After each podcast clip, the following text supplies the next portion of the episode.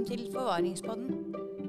Lurer du på hva forvaring, Norges strengeste straff, handler om? Og lurer du på hva som skjer med lovbryteren etter at kriminaliteten er begått og dommen har falt? Det skal vi i Forvaringspodden gi deg svarene på.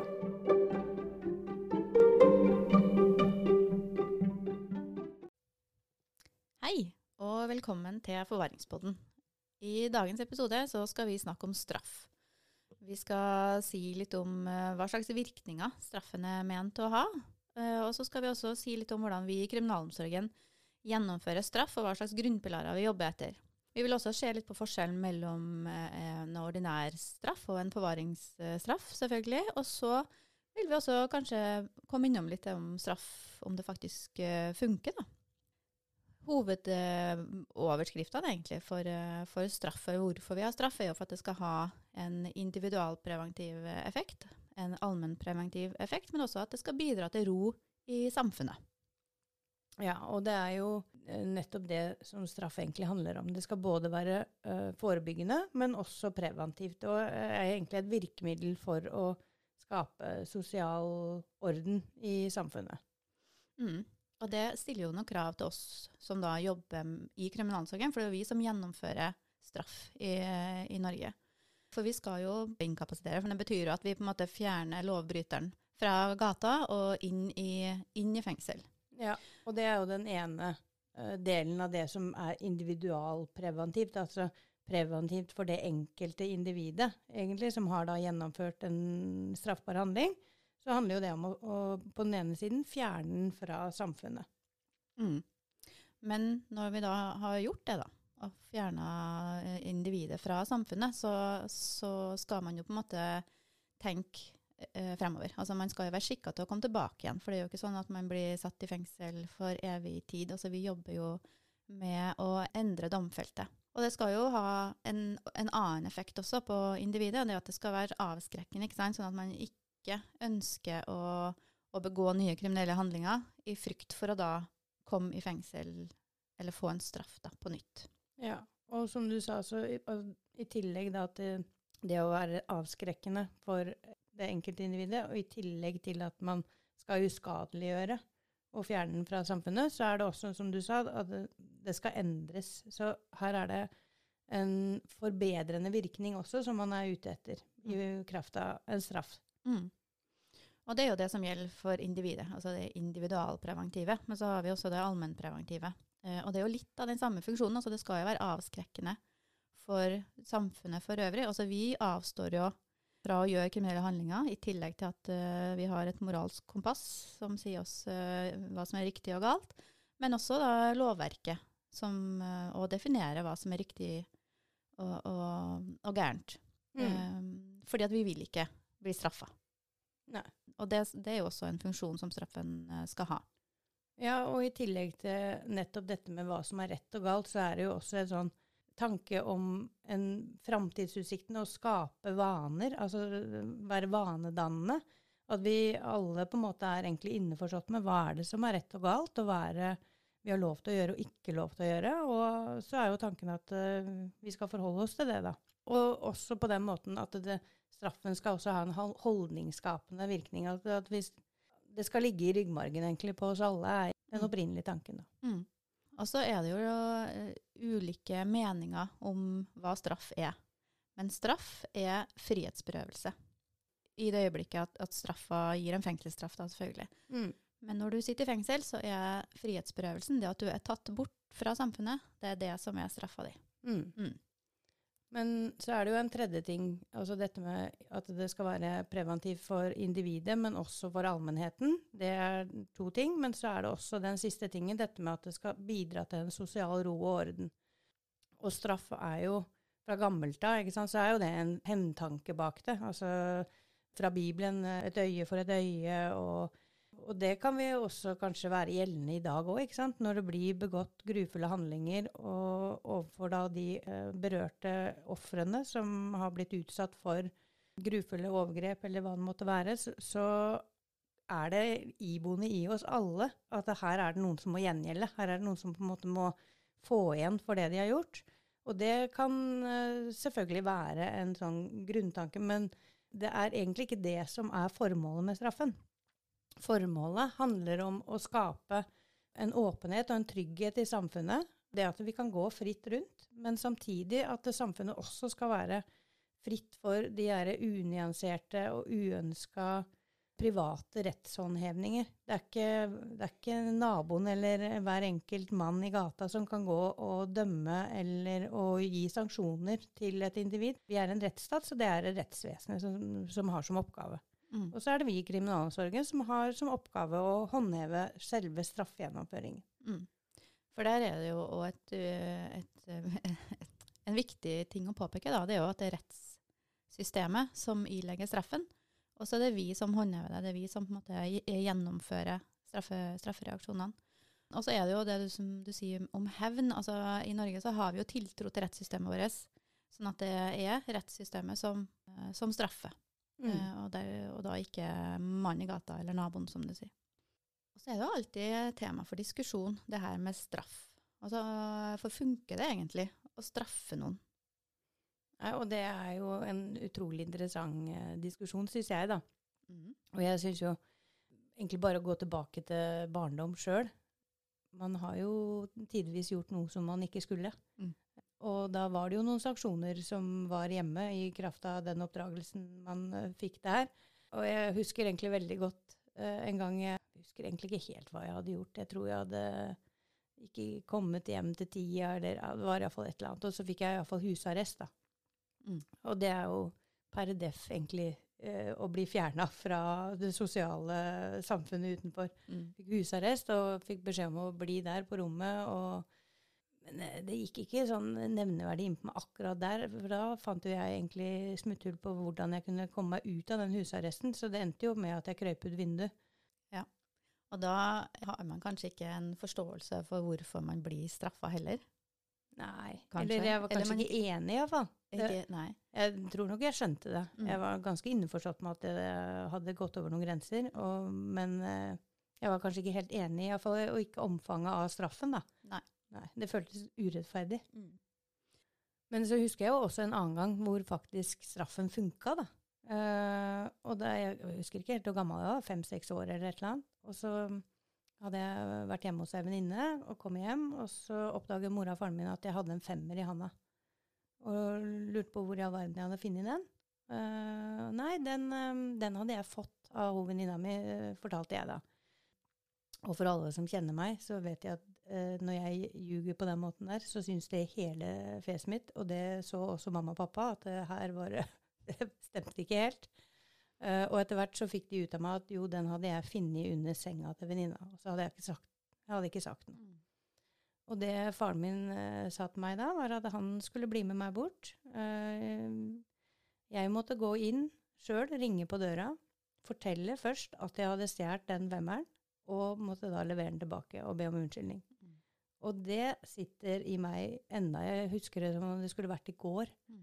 Uh, og den har liksom fulgt meg videre. Men det tror jeg var Altså den kombinasjonen da, med den skammen og Nei, det, den virkelig Den sitter i. Mm. Så det er jo ikke sagt at det, straff ikke kan funke, men jeg tror jo også det handler om måten det blir gjort på. Mm. Uh, og selv om mye forskning i dag, særlig i forhold til barneoppdragelse, og også eh, annen type oppdragelse. Det, det, der er det mye forskning som er helt klokkeklar på at straff og straffesanksjoner det funker i veldig liten grad. Mm. Det handler om å uh, forsterke de positive egenskapene som barnet eller individet har, mm. og heller prøve å ignorere de negative atferden. Mm. Ja, det er gjennomgående. Og det er jo det som er en del av formålet med straffen også, at vi skal endre. Vi skal hindre at man begår ny kriminalitet når man blir løslatt. Mm. Og det kan vi jo kanskje si noe at altså det er jo det som skiller en ordinær dom, en ordinær fengselsdom, da, med en forvaringsdom. Det er kravet til endring.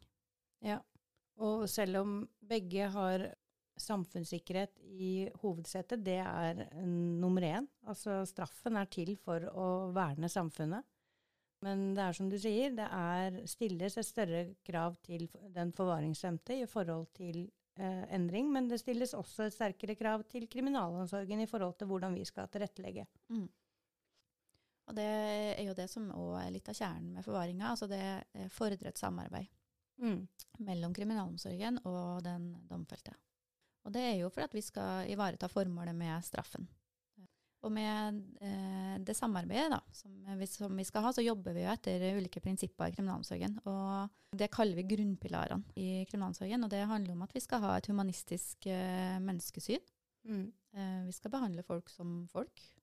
Ja, og det at man har den tanken om at eh, ethvert individ er unikt, og man har en egen vilje.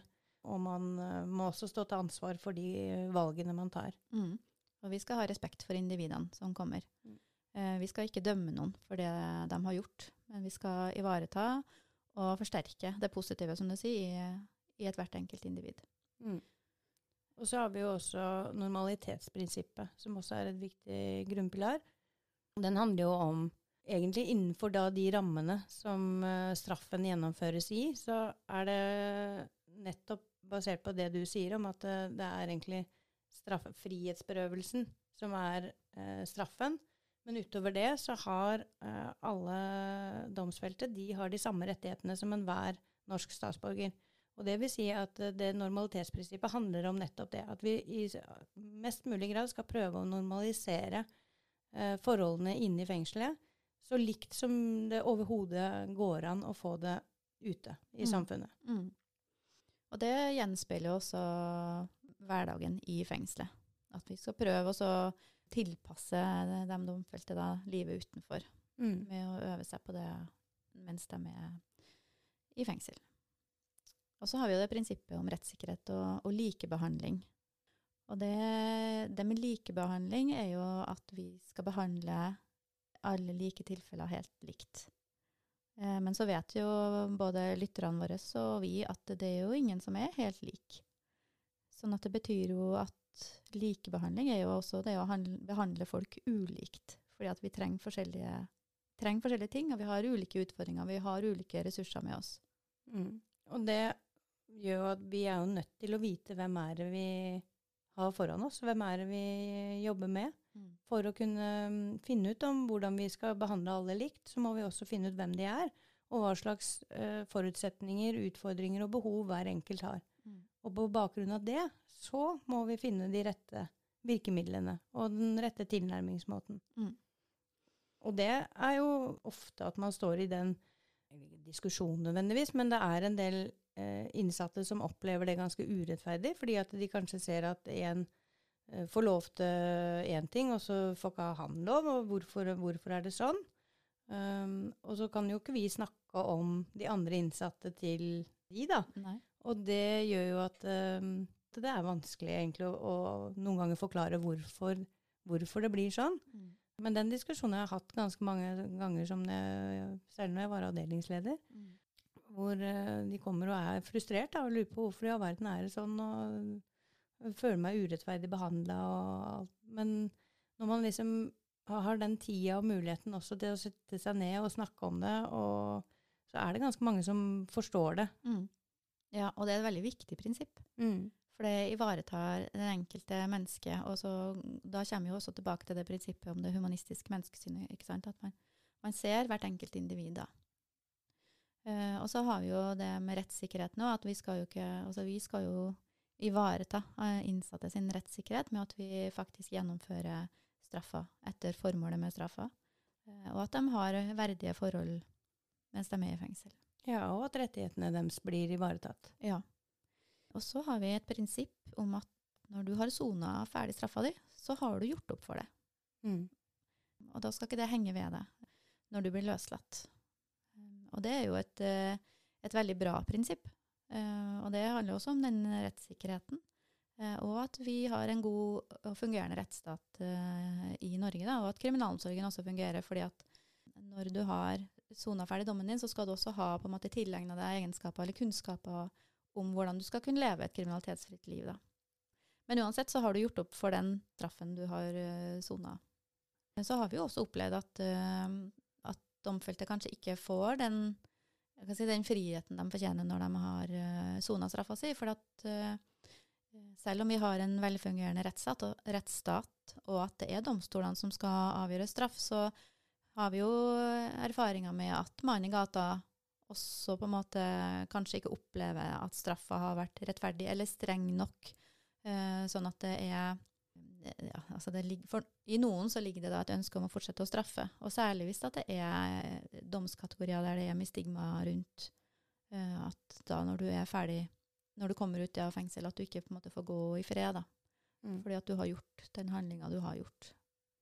Og så er det jo klart at det, det at det også følger Altså straffehistorikken følger, følger en jo i mange settinger. Det er jo i mange tilfeller hvor man eh, Det er jo ikke alle jobber man kan søke på. Det er, det er en god del ting som begrenses mm. når man har uh, vært innsatt i et fengsel og er ferdig sona, men er uh, ute i friheten, så er det ikke dermed sagt at det er Man er jo ikke helt fritt til å på en måte kunne gjøre alt det som alle andre kan. Mm. Det er sant. Og så er det også en annen side av det, er jo altså eh, levekårsutfordringene til innsatte. Altså hva er det de har når de kommer ut? Det er mange som eh, rapporterer om at de ikke har, de har ikke penger. Altså man har kanskje ikke råd engang til å betale ut et depositum på en leilighet. Eh, man har kanskje ikke eh, tilegna seg eller fått en utdannelse når man har vært i fengsel, så man har kanskje ikke en jobb eller noe å følge tilbake på. Altså sånn at det er, det er mange ting som kan være et hinder. Men altså prinsippet Mm. eh, skal jo uansett være der. Og så handler jo det, alt det som jeg sier nå også, om den utslusninga, ikke sant. Altså hvordan veien ut fra ja. fengselet, da. Ja. Og der er det jo også mye av det vi jobber med i kriminalomsorgen, det er jo nettopp det å prøve å hjelpe og bistå til at det faktisk det grunnlaget er så godt som overhodet mulig når mm. de endelig da kommer ut. da. Mm. Men for å gå tilbake til det spørsmålet vi stilte i stad, om straff, eh, funker det? Eh, så mener jo vi at med de, eh, det formålet med straffa, da, og med de grunnpilarene som vi jobber etter i kriminalomsorgen, så har straff en, en sånn funksjon at det, det, bør funke. Hvis vi klarer å, å jobbe individuelt, at vi klarer å eh, likebehandle, men samtidig forskjellsbehandle fordi at alle må behandles ulikt, så, så, vil straffen, så vil straffen kunne fungere. Absolutt. Og det er jo også sånn man har tenkt at samfunnssikkerheten skal ivaretas på den måten. Mm. Både på kort sikt, men også på lang sikt. Mm.